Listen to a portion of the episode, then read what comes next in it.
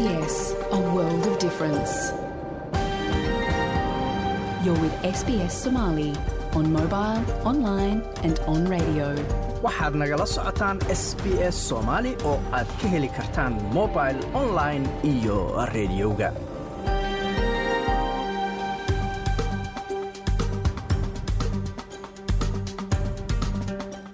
habeen wanaagsan dhammaantiin meel kastoo aad naga dhegaysanaysaan waa habeen jimca bisha februaayan ay tahay kow iyo toban sannadka labada kun iyo labaiyo labaatanka halka aad nagala socotaanna waa laanta af soomaaliga ee idaacadda s b s oo si toosa idinkaga imanaysa stuudiogaanu ku leenahay magaalada melbourne. Magacayguna waa xasan jaamac waxyaalahaad caawa ku maqli doontaanna waxaa ka mid a wuxuu leeyahay maraykanka inta badanna si hoose ayay u wada shaqeeyaan. Mararka qaarkood si bareer ay maraykanka u garab marka waa ilka adaysa hoosta ka xidhiidan waxaa dhici karaysaa xataa dowlado mandiqada ku sugan ee bariga afrika oo xiriir fiican ay leeyihiin in ay naftoodu dhinac ka hirgeliyaan muxuu ahay arrinka maraykanka uu qorshaynayo maraykanka oo dhowaan ku hanjabay inay ku soo rogi doonaan xanibaado dhanka safarka siyaasiyiinta iyo dadka soomaalida ee lagu eedeeyo inay xagaldaacinayaan nidaamka doorashooyinka dimuqraadiyadda dalka ka socota.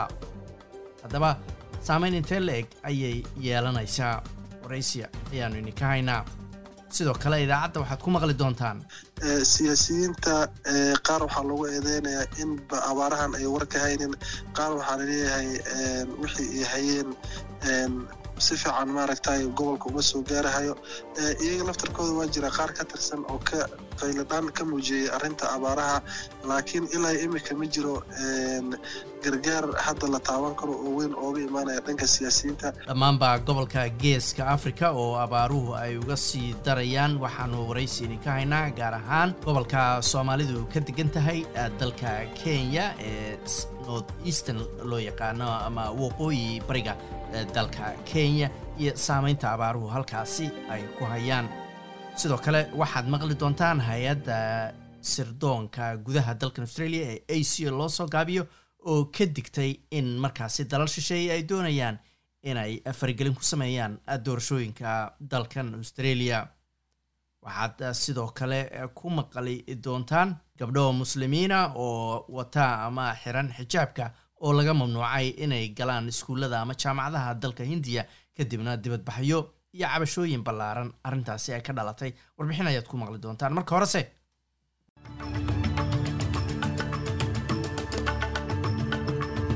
wararka caawana waxaa ka mid a shirka xulafada la magac baxday kuwaad ama afirleyda oo melbourne ka bilowday. Hogaamiyaha xisbiga laybarka oo ka jawaabay eedoo la xiriira xiriirka xisbigiisu la leeyahay china iyo wararkii covid nka ee dalka oo dhan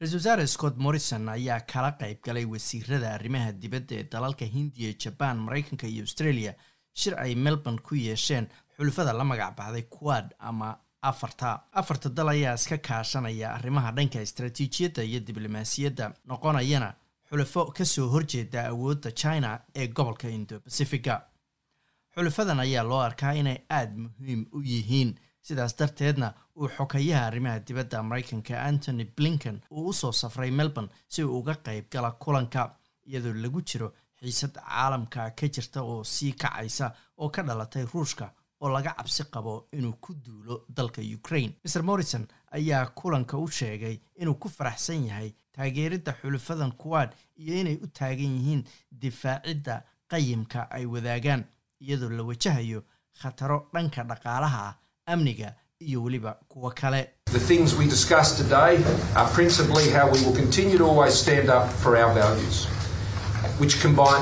Arrimaha aan maanta ka wada hadalnay waa mabdi'iyan sidaannu u sii wadi lahayn inaan difaacno qayimkeenna oo ah waxa la wada mideeya ta labaad waxay ila tahay in annagoo taa samaynayna aan iska difaacno kuwa doonaya inay nahandadaan waxaana fahansanahay in saaxiibadeenna kuwaad ay aada u fahansan yihiin cadaadiska iyo handadaadda australia ay soo martay aad baana ugu faraxsanahay taageeradiina ayuu yiri ra'iisul wasaare scott morrison. Wasiirka caafimaadka dowladda federaalka greg hunt ayaa ku tilmaamay mid aan waxba ka jirin warar sheegaya in macluumaad sir ahaa oo golaha wasiirada hadalladiisa ahaa oo hoosta laga dusiyey ay sii dhaawacayaan ra'iisul wasaare scott morrison.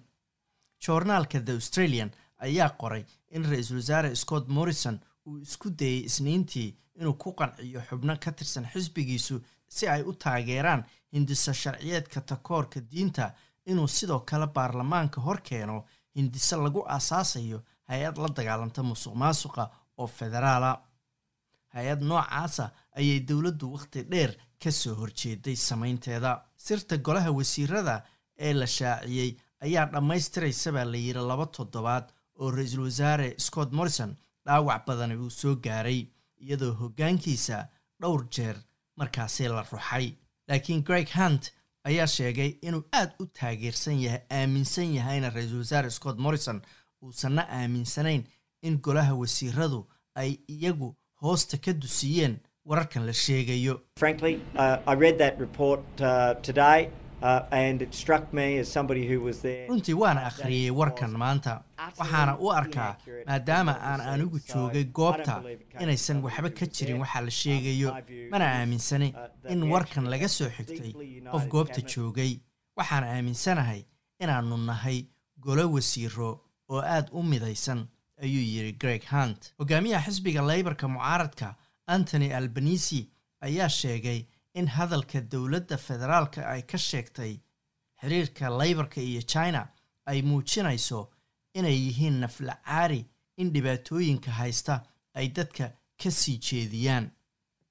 Wasiirka difaaca dowladda federaalka peter dutton ayaa khamiistii baarlamaanka dhexdiisa ka sheegay inuu helay talooyin amni oo sheegaya in china ay doorashada soo socoto door bidayso in master albanisi uu guulaysto saakana waraysi uu master dutton bixiyey ayuu eedaasi siiba labanlaabay dhanka kalena joornaalada shirkadda nine la yidhaahda ayaa qoray in koox basaasiin chinisa ay isku dayeen inay howlgeliyaan oo sharaxaan musharax laybara oo u tartama kursi ka mida new south wales doorashada soo socota si haddii qofkaasi uu guulaysto ay u helaan xildhibaan danahooda waa danaha china u dhega nugul oo la shaqeeya master albanise ayaase sheegay inuu si joogto ah ula hadlo agaasimaha guud ee hay'adda sirdoonka gudaha ee asia loo soo gaabiyo.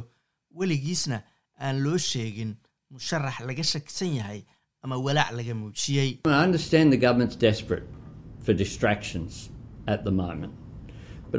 Waan fahansanahay that in dowladdu ay is nafla too caari u tahay siday isha uh, uga sii jeedin lahayd dhibaatooyinka in- iyada haysta. uh, laakiin waxaan leeyahay amniga uh, qaranku waa uu ka we weyn yahay wax lagu cayaaro. Cayaar la mid ah much wixii aad ka samayseen baarlamaanka a dhexdiisa shalay ayuu yidhi master albanise waxaa suuqa soo gelaya tallaalka covid 19ka ee novavax la yidhaahdo laga bilaabo isniinta bishu ay tahay afar iyo toban waa isniinta soo socotee taasoo ah toddobaad ka hor wakhtigii la filayey tallaalka novavax ayaa la filayey inuu suuqa soo galo oo isticmaalkiisu uu bilowdo febraayo kow iyo labaatankeeda laakiin dowladda federaalka ayaa hal toddobaad soo hormarisay taariikhdaasi. Tan ayaa imanaysa iyadoo hay'adda australia ee qaabilsan daawooyinka tallaalka ee t g a da loo yaqaano ay dib u eegid deg dega ku samaysay tallaalkan markaasna ay boqolkiiba boqol ansixisay isticmaalkiisa. Novavax ayaa noqon doonta sida tallaalo badanoo hore in qofku laba goor isku duro saddex toddobaadna loo dhexaysiiyo gobolka west australia ayaa waxaa ku kordhay baa layidhi kaysaska covid 19ka iyagoo gaaray konton iyo kow kays oo cusub. Tiradaas oo ka badan soddon iyo toddoba kays oo gobolkaasi laga diiwaangeliyey khamiistii shalay ahayd.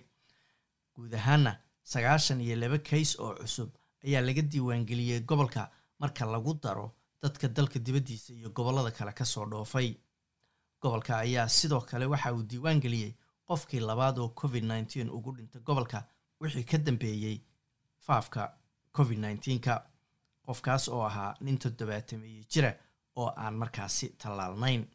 Premierka gobolkaasi mark mcgowan ayaa sheegay in omnicronku hadda uu si rasmiya gobolka u galay laakiin aysan ahayn ayuu yidhi in dadku walaac muujiyaan.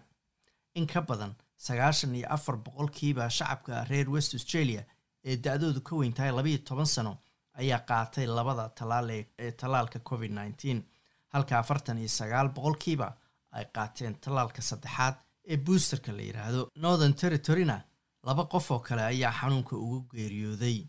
Saraakiisha gobolka ayaa sheegay inay kala ahaayeen haweenay afartameeye jira iyo nin kontomeeye jira oo ku dhintay cisbitaalka alice springs bilowgii bishan taasoo tirada guud ee dadka xanuunka ugu dhintay gobolkaasi gaarsiinaysa sagaal. Gobolka ayaa waxaa ilaa hadda xanuunka uu ku dhacay kun iyo sagaashan iyo lix qof iyadoo dadka cisbitaalka u galay aysan kordhin hoosna u dhicin oo ay yihiin boqol iyo lixdan iyo afar qof. Gobolka victoriana waxa uu qorsheynayaa inuu ka takhalluso ama joojiyo xaaladii deg deg ahayd ee la soo rogay ee loo bixiyey code brown taasoo la joojin doona ayaa la yidhi bisha afar iyo tobankeeda oo isniinta soo socotaa kadib markii ay hoos u dhaceen dadka cisbitaalada ugu jira covid nneteenka iyo shaqaalaha shaqadooda ka maqan xaaladan deg dega ayaa la soo rogay saddex asbuuc ka hor. Wasiirka caafimaadka gobolka victoria martin foley ayaa sheegay inuu sidoo kale ka fakarayo ama ka fiirsanayo in la sii khafiifiyo xanibaadaha saaran cisbitaalada haddii tirada dadka covid nneteenka ku dhacana uu yiraahdo sidoo kalena shaqaalaha maqan ay markaasi shaqooyinkooda ku soo noqdaan. Queenslandna waxa ay ku dhawaaqday sanduuq lacageed oo gaaraya laba boqol oo milyan oo dollar oo lagu beegsanayo diyaaradaha caalamiga ah ama dadka ka keena dalalka kale iyadoo gobolka uu isku dayayo inuu dedejiyo dib u soo kabashada dhanka dhaqaale gaar ahaan hay'adaha dalxiiska. Lacagtan ayaa waxaa iska kaashanaya ayaa la yidhi dowladda queensland iyo garoomada diyaaradaha caalamiga ah ee gobolkaasi ku yaalla meelaha lala beegsanayo oo la doonayo in dalxiisayaal badani ay ka yimaadaan ayaa waxaa ka mid ah dalalka singapore jabaan south korea maraykanka canada taiwan iyo hong kong. Bremiyaaradda gobolkaasi anastasia palashay ayaa sheegtay in sanduuqan lacagta ay ka dhalan doonto ama uu keeni doono shan dhibic saddex hal milyan oo kuraas diyaaradeed ah sanadkiiba taasoo sidoo kale u dhiganta ama dhalinaysa ayaa la yidhi labaatan iyo afar kun iyo boqol shaqo sanadkiiba marka la gaaro labada kun iyo labaatan iyo shanta. Saadaasha hawada berita oo sabtiya magaalada beth waa daruuro marka dambe qaadaya labaatan iyo siddeed digrii bayse gaaraysaa. Adelaide waa cadceed iyo soddon iyo kow. Melbourne waa inta badan waa cadceed iyo labaatan iyo sagaal. Magaalada sydneyna xoogaa rooba baa la filayaa labaatan iyo lix digrii bayna gaaraysaa. Halka brisbanna sidoo kale roobab la filayo soddon digriina ay gaarayso. Halka australian dollar maanta waxaa lagu sarrifayay toddobaatan iyo kow senti oo lacagta maraykanka ah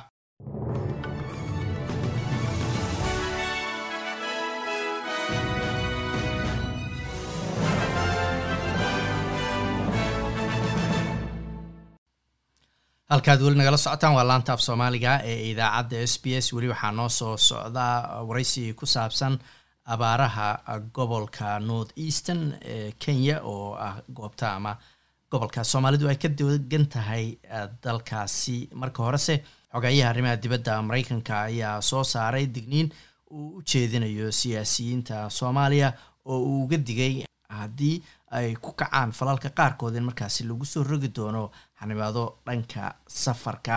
Haddaba xanibaadahaasu maxay yihiin? Saameyn intee la eg bayse siyaasadda soomaalida ku yeelanayaan maxamed xasan dable waa aqoon-yahan fadhigiisu yahay dalka u k. Khadka telefoonka ee magaalada lester ayaan ku weydiiyey bal sida uu arko arrintaas waxaana uu yidhi waxaan u arkaa in ay tahay istaraatiijiyad ama yacni siyaasad la doonayo in yani loogu hanjabo siyaasiyiinta soomaaliyeed ee noqon karo caqabad ku noqon karo geed socodka arrimaha dimuqraadiyiinta sida doorashada oo kale. Doorashooyinka inta badan waa waxa asaasiga u ah nidaamka dimuqraadiga ee xil lagula kala wareego. Arrinkaa marka waxay noqonaysaa arrin ay runtii u qaadanayaan si mataqaanaayo culus mas'uuliyiinta hadday noqdaan heer dowladda dhexe ee federaalka iyo hadday noqdaan heer maamul goboleedyo ama dowlad goboleedyo. Labada dhinacba way ku socotaa dhinac gaara ma baarayso waxaa kaloo mataqaanaa ay arrinkaasi saameyn ku yeelan kartaa oo digniintaasi ay ku socotaa laamaha amniga ee kala duwan. Hadday noqdaan nabad sugidda booliiska iyo ciidamada militariga ee xoogga dalka soomaaliyeed in ay ka waantoobaan in ay noqdaan kuwo caburiyo siyaasiyiinta doonaya in ay doorashada ka qayb galaan marka arrimahaasi waxaa weeye digniin kolley la filaya in ay noqon karto mid cabsigelin karto siyaasiyiinta kala heerka ah sidaan sheegay. Waa gartay. Marka maxamedow xilligan maxaa ku soo aadiyey baad is leedahay doorashadii? Waa ay socotaa waktigeeda inay ku dhammaataa xataa la filayaa xilligan maxaa ku soo aadiyey baa is leedahay digniintan maraykan ka imanaysa xilligan waxaa ku soo aadiyey sidaad la socoto xasanow waxaa jira tartan u dhexeeyo muxuu ahay dowladaha hadda soo kacay marka horena tusaale ahaan ruushka oo ahaan jiray sovietkii oo hadda soo soo xoogubay oo loo arko mataqaanaa inuu carqalad ku yahay hanaanka dimuqraadiyadda ama dowladaha u ololeeyo dimuqraadiyadda iyo shiinaha marka horeba aan nidaamkaa shaqo ku lahayn bal soo xoogeystay. Waxay markaa ka hortag bay leedahay. Meelaha qaarkood africa oo adiga arkayo in inqilaabyo ka dhacayaan. Inqilaabyadana kuwa iska dhacayo ma aha. Waa kuwa meelo ku tiirsan oo mataqaanaa howlaha ka socdaa.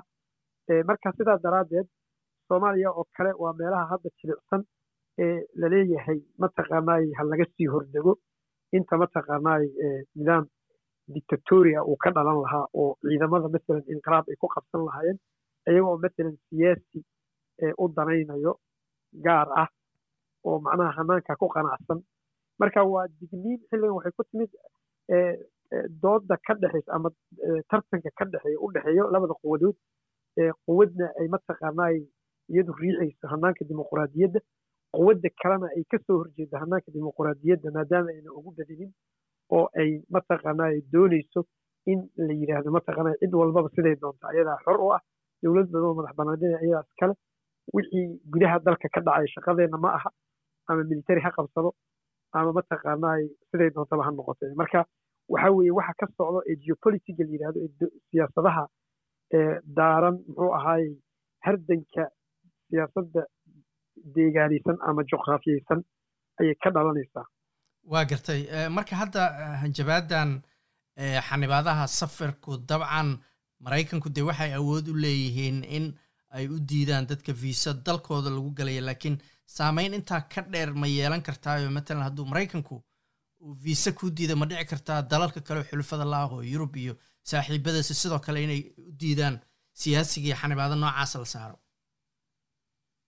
Way dhici karaysaa sidaad og tahay xulafuu leeyahay maraykanka. Inta badanna si hoose ayay u wada shaqeeyaan. Mararka qaarkood si bareer ay maraykanka u garab istaagaan marka waa ilka adaysa hoosta ka xiriiran waxaa dhici karaysaa xataa dowlado mandiqada ku sugan bariga africa oo xiriir fiican ay leeyihiin in ay naftoodu dhinac ka hirgeliyaan muxuu ahay arrinka maraykanka uu qorshaynayo oo iyaga oo taageersan muxuu ahay barnaamijka maraykanka way noqon kartaa. Maxaa yeele waa loo kala qaybsan yahay bari iyo galbeedba hadda. Waa gartay. Marka arrimahan hadda siyaasiyiinta soomaalida ma u dhega nugul yihiin bay kula tahay oo ma laga yaabaa fal ama wax ay samayn lahaayeen inay u joojiyaan hanjabaadahan hadda maraykanka ka imanaya awgeed.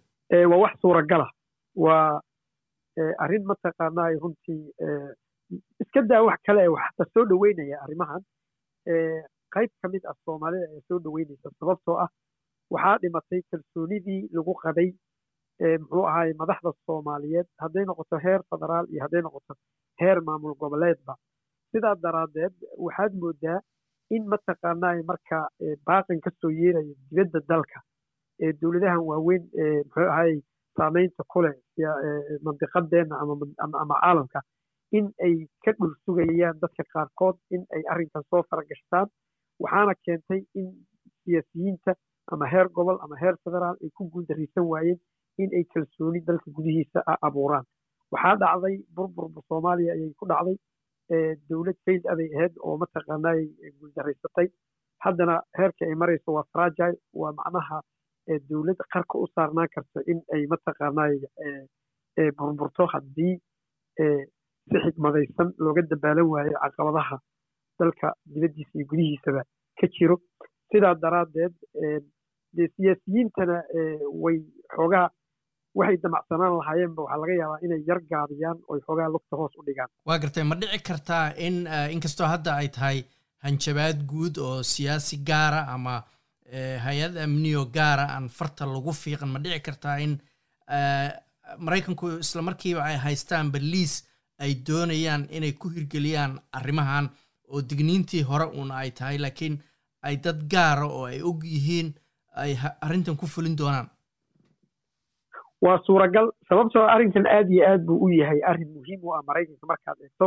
Markaad fiiriso sanadkan bilowgiisii bishii january waxaa dhaceen laba kulan oo labada xulafe labada quwadoodii isku haya meesha bariga iyo galbeedka.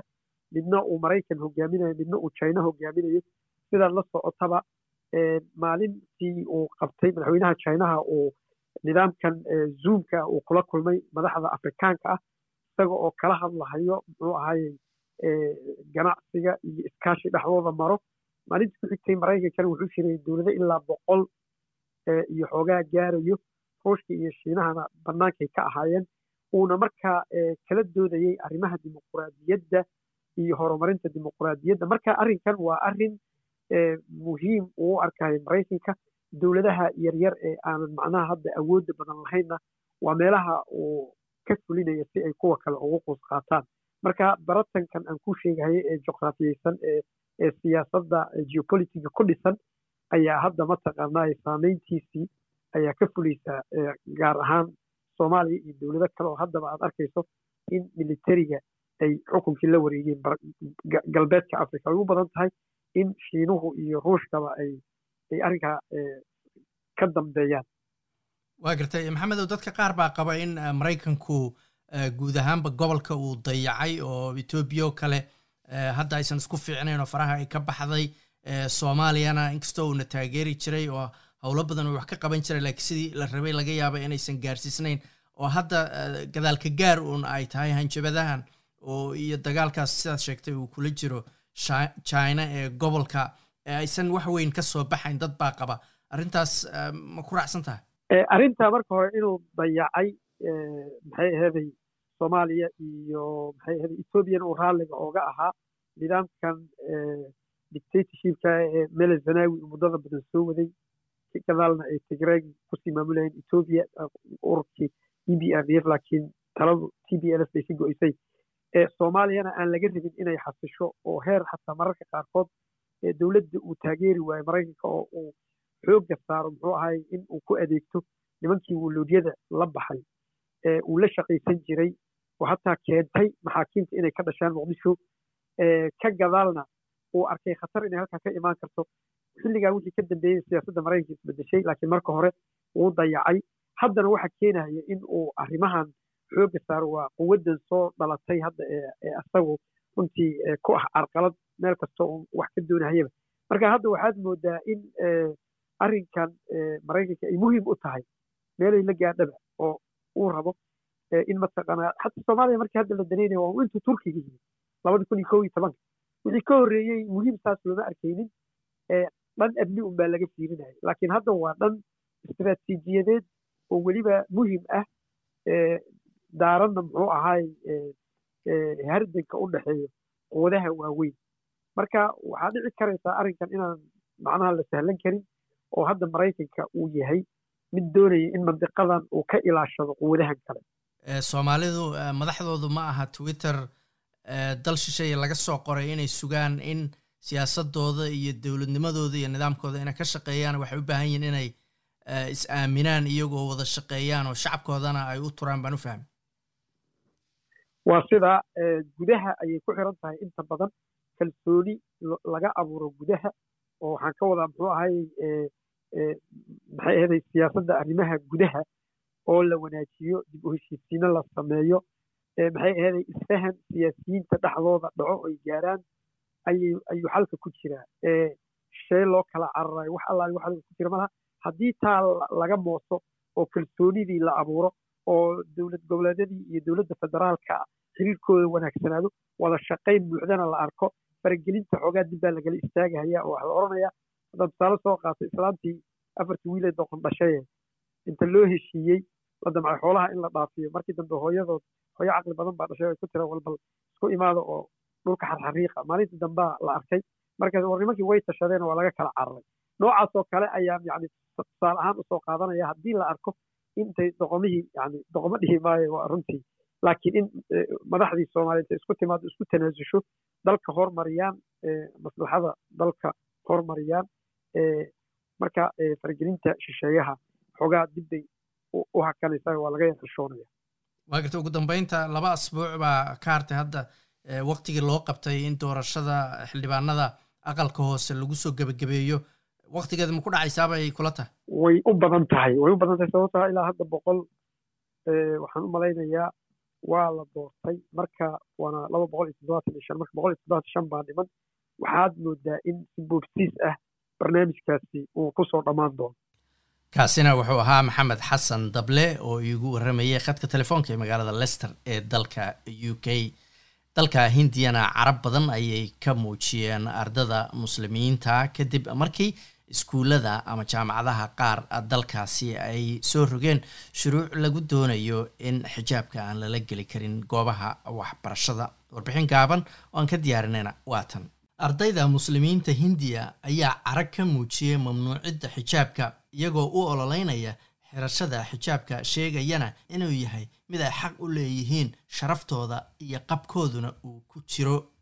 Dibadbaxayaal haweena ayaa sheegay inaysan doonayn inay in la kala doorsiiyo rabitaankooda waxbarasho iyo inay xirtaan xijaabka waxayna walaac ka muujinayaan in laga xayuubinayo xuquuqdoodii diimeed haween xijaab xiran ayaa xiray waddooyinka qaybo ka mida dalka hindiya iyagoo ka soo horjeeda hay'adaha waxbarashada qaarkood oo u diiday ardada xijaabka xiran inay galaan jaamacadaha ama iskuullada ay dhiganayaan.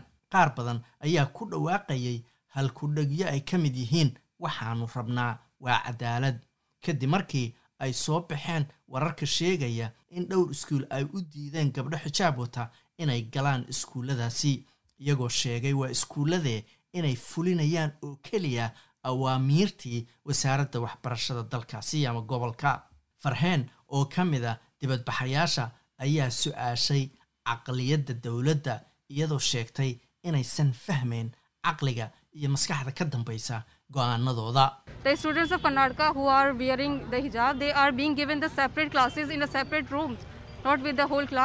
Ardayda gobolka karnakata ee xiran xijaabka waxaa la geeyey fasallo gaara iyo qolal gaara oo fasalladii ardada caadiga ahayd lama ay gelin.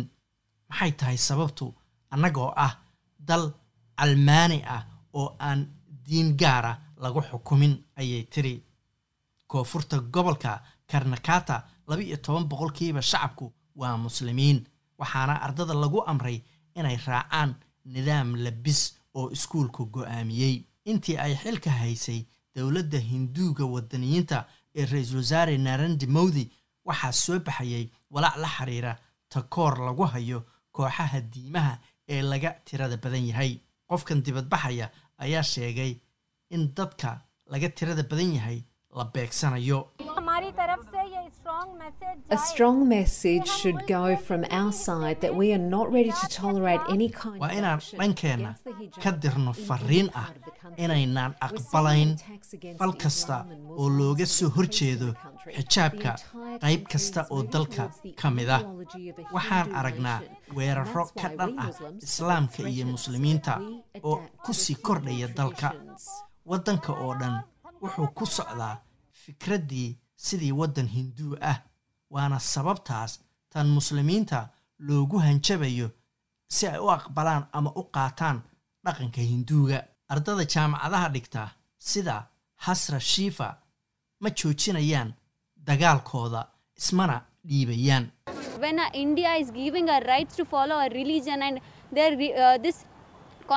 goorma ayay to do hindiya it, na then siinaysaa xuquuqda aan u leenahay inaannu diinteenna caabudno dastuurka laftiisa ayaa na siinaya xuquuqdaas marka maxay nooga hor joogsanayaan inaannu xaqaas hello? Baaqiyo iskuullada ka soo baxayay ayaa ka digaya in markii arday uu sameeyo tallaabo ama faldiimeed intaasi nidaamka waxbarashada ay ka dhex abuurayso kala qaybsanaan navin sheti oo ah maamulo jaamacadeed ayaa sheegay inuu raacayo oo keliya awaamiirta dowladda laakiin loo baahan yahay nidaam sax ah oo nahaga.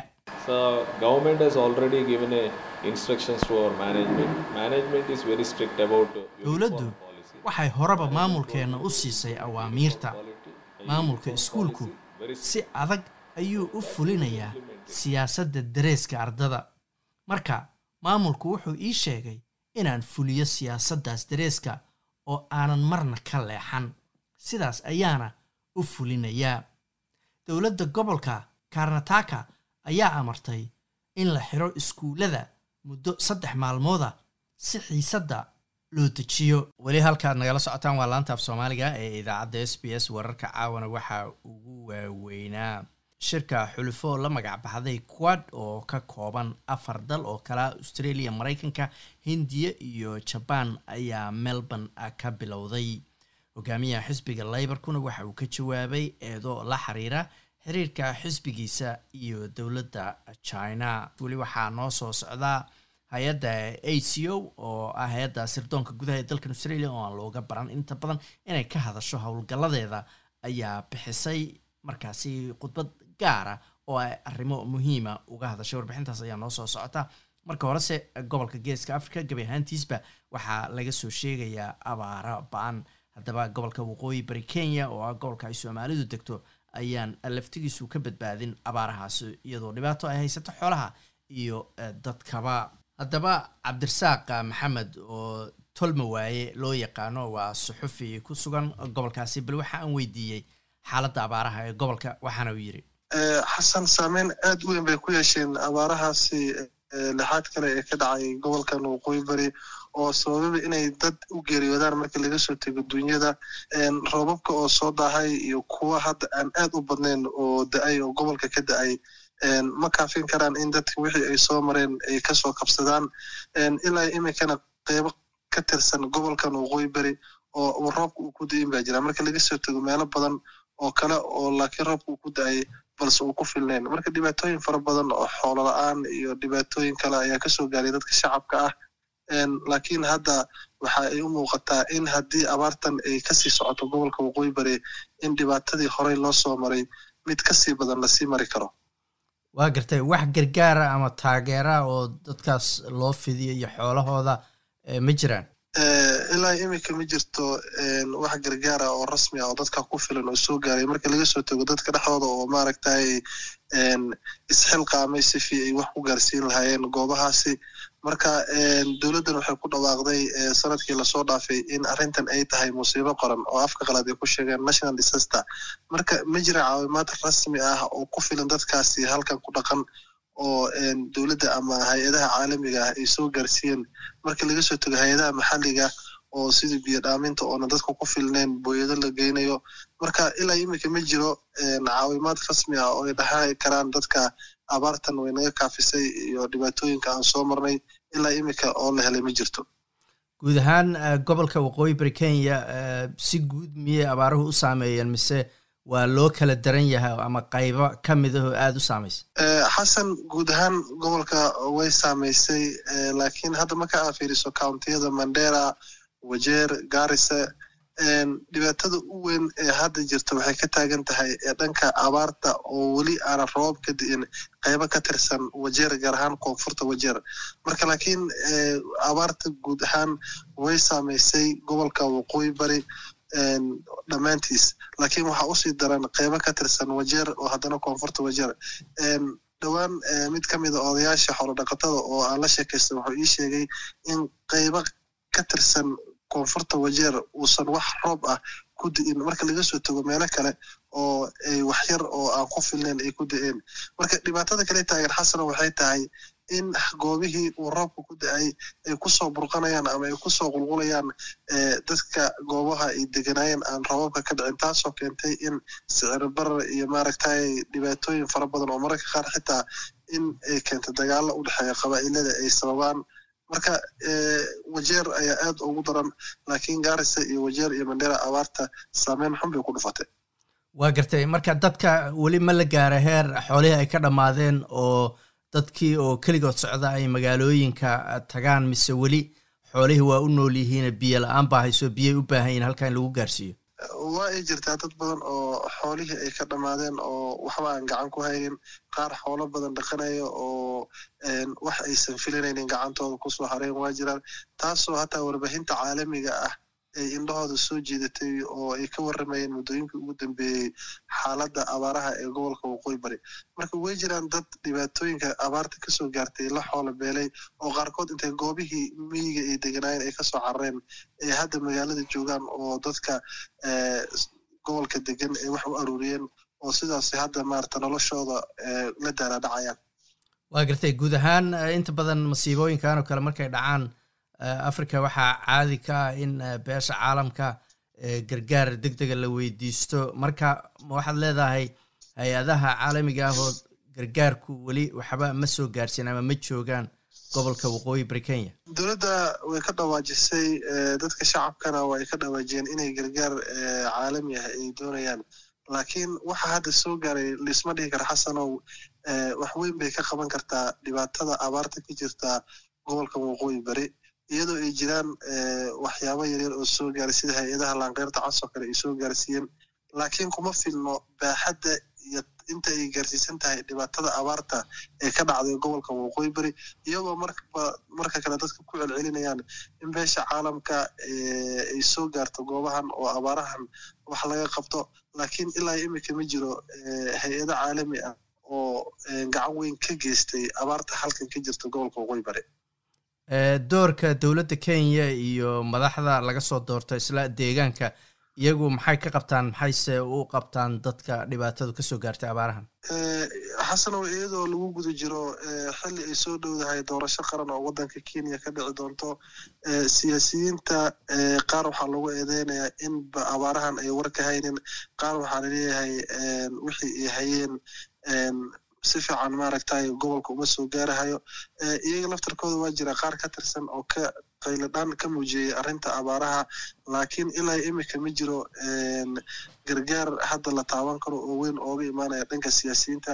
Dowladda kenya waxay bilowday mashruuc biyo dhaamin ah mashruuca biyo dhaamintana hadda markaa fiiriso inta ay gaarsiisan tahay abaarta kuma filnaya laisdhihi karaa gacan ay dowladda kenya ka geysatay abaaraha ka jira gobolka. Qurba joogta iyo dhammaanba beesha caalamka waxaa ugu baaqayaa ka saxafi ahaan maadaama aan goobta ku sugnahay oo xogagaal aan ahay dhibaatooyinka abaarahana aan marba marka ka dambeysa soo tawin hayno dadkan halkan ku tabaalaysan waa in gargaar bini aadanimo lala soo gaaraa sifa ay maaragtay abaarta hadda hayso bal oo la daalaadhacaan oo maarata nolol maalmoodkeeda ay helaan. Dhibaatooyinka hadda ka taagan xasan ugu weyn ee hadda la taaban karo waxay tahay biyo la'aan oo goobaha qaar booyada aan ku filnayn baa la geeyaa. Marka dadka qurba joogta ah soomaalida gaar ahaan iyo beesha caalamka gudbo waxaan ugu baaqayaa in dhibaatooyinka abaaraha ee ka jira gobolka waqooyi bari ay gacan weyn ka geystaan. Sife ay dadkan maaragtay u helaan nolol ay dhihi karaan haddii ilaahay idmo robabka marka la helo way ku gaari karaan. Kaasina wuxuu ahaa cabdirasaaq maxamed oo loo yaqaano tolma waaye oo ku sugan waqooyi bari kenya halkaad weli nagala socotaana waa laantaaf soomaaliga ee idaacadda s b s. Haddana hay'adda sirdoonka gudaha dalkan australia oo a c o loo soo gaabiyo oo dhowaan ka hadashay khataraha ugu waaweyn ee dalkan australia uu wajahayo markay noqoto arrimaha amniga. Warbixinaan ka diyaarinayna waatan hay'adda sirdoonka gudaha ee dalkan australia ee a c o loo soo gaabiyo ayaa sheegtay in khatarta ugu weyn ee ammaanka qaranka dalkan haysata ay ka imanayso gudaha iyadoo ay jiraan kooxo xagjir lagaga dhigayo dalka gudihiisa wixii ka dambeeyey faafka covid nneteen-ka laakiin waxay hay'addani sidoo kale sheegtay in hay'adaha sirdoonka shisheeyaha lagu yaqaanay inay isku dayaan inay faragelin ku sameeyaan doorashooyinka gudaha dalka. Aysiyo caadiyan ma aha hay'ad hadal badan sidoo kale laguma yaqaan inay markaasi wararkeeda iyo howlaha ay qabanayso dibadda la soo istaagto agaasimaha guud ee acio mike purges ayaa sheegay in hay'addiisa sirdoonka shaqadeedu ay tahay inay si aamusan ay ku difaacdo australia laakiin mararka qaar ay lagama maarmaan tahay inay caddayso oo bannaanka soo dhigto waxa ujeeddada hay'addani ay tahay. Khudbad uu ku qeexay waxa acio ay u aragto inay khatarta ugu weyn ku tahay amniga australia ayuu mike burges sidan ka yiri if you're in the shadows, you must be shadowy.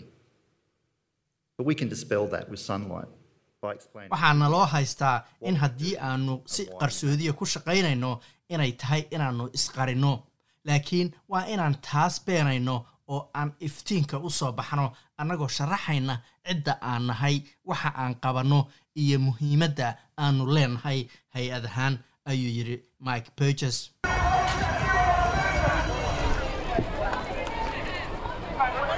waa booliska oo la tacaalaya dibadbaxayaal la aaminsan yahay inay dabqabad siiyeen albaabada hore ee aqalkii baarlamaanka hore ee cambara kadib dibadbax ka dhacay bilowgii sanadkan halkaasi. Taasoo ka mid ahayd arrimo ay maamulayaashu baarayaan. Acio ayaa sidoo kale ku lug leh baa layidhi baaritaanadaasi waxayna ka digaysaa khatarta ah inay dibadbaxyada noocaas oo kalea sii bataan ayna ka sii daraan mike burges ayaa sheegay in covid nneteen-ku uu fursad badan siiyey kuwa raadinaya xumaanta. While ASIO's overall terrorism caseload has decreased since this time last year, there's been a distinct increase in inkastoo ay kaysaska guud ee argagixisada ee acio ay gacanta ku hayso ay yaraadeen wixii ka dambeeyey hadda oo kale sanadka la soo dhaafay. Waxaa kordhay dad arrimo gaar ah ka caraysan iyo kuwo xagjir laga dhigay. Qaar ka mida shacabka australia ayaa aaminsan in tallaabooyinka dowladda ee tallaalka iyo xanibaadihii la soo rogay ay xorriyaddoodii xadgudub ku yihiin. Carada ay qaarkood qabaanna ay isu beddeshay rabshad ama gacanka hadal. Acio ayaa dareemaysaa in xanibaadahaasi ay sameeyeen xaalado ammaan sababtoo ah australiyaan badan ayaa onlineka ku jiray markii faafku uu ugu darnaa More online shopping meant more cybercrime.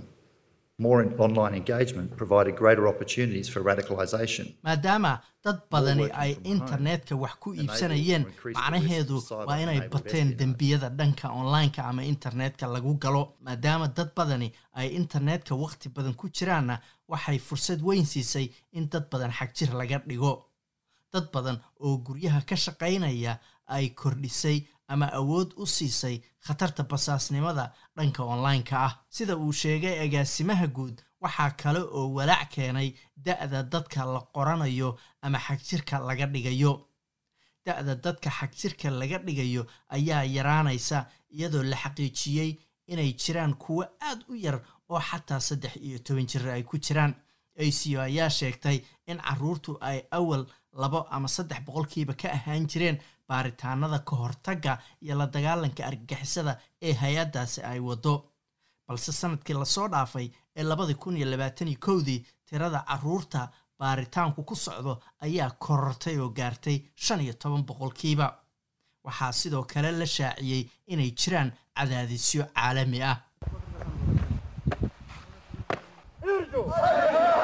Waxaa jira cabsi laga qabo in xagjir rabshadoon ah ay abuurmeen inta talibaanku uu talada qabsaday.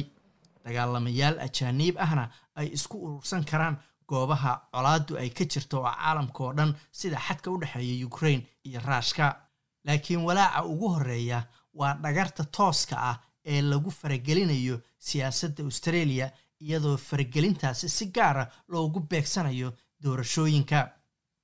Arrimaha la shaaciyey iyo soo bixidda in basaasiin shisheeye ay hadda isticmaalayaan ablicathonada lagu haasaawo ama laysku shukaansado sida abka la yidhaahdo tinderka iyo abka fariimaha la isugu diray ee whatsappka ay dadku ku xiriiraan ayaa dhalisay walaac cusub oo laga qabo nidaam dahsoon oo caalami ah oo siyaasadaha dalalka lagu dhex galo. Agaasimaha guud ee acio ayaa diiday inuu sheego doorashada la beegsaday laakiin wuxuu sheegay in qof qani ah oo lala xiriirinayo dowlad shisheeye la ogaaday inuu howlahaasi ka dambeeyo ama wado. Mike burges ayaa sheegay in hay'addiisu ay waxyaalo si dah furan uga hadli karto laakiin aysan shaacin karin siyaasi ay ku daba jiraan ama baaritaan ku socdo.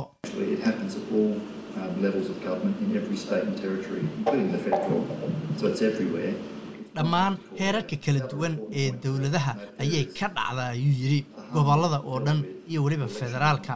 Marka meel kasta ayay ka dhici kartaa. Macno ma samaynayso inaad mid gaara farta ku fiiqdo. Arrinta kale ee muhiimka ah waa in laga hortago oo wax laga qabto oo doorashada aan la faragelin oo doorashadanu noqoto mid si amni ah u dhacda. Wasiiradda arrimaha gudaha federaalka karen andrews ayaa sheegtay in dowladda ay ka go-an tahay inay la dagaasho xagjirka iyo argagixisada gudaha ka abuurmay. Laakiin laybarka ayaa sheegay in lixdan iyo sagaal milyan oo dollar oo loo qoonteeyey la dagaalanka xagjirka tobankii sane ee u dambeeyey aysan ahayn lacag ku filan. Afhayeenada arrimaha dibadda u qaabilsan laybarka mucaaradka christina knely ayaa si cad hore u sheegtay in khatarta gudaha loo baahan yahay in si dhab ah loo wajaho for a Christchurch like terrorist attack to occur. ma aha inaannu sugno weerar la mida kii argagixisada ee christchurch inuu ka dhaco australia si aan u fahno khatarta aannu wajahayno ayay tiri senator rex patrick ayaa ku raacay laakiin doonaya in hay'addan lala xisaabtami karo There's no greater transparency uh, with ASIO as a result of the new Director General's appointment. Acio ma laha hufnaan buuxda sidii loo magacaabay oo agaasimaha guud ee cusub. awoodo dheeraada ayaan siinay hay'adaheenna sirdoonka innagoo aan samayn nidaamkii lagula xisaabtami lahaa. Xataa baarlamaanku ma oga waxa ay samaynayaan ayuu yidhi. Wuxuuna sheegay in loo baahan yahay in la xisaabtan dheeraada la sameeyo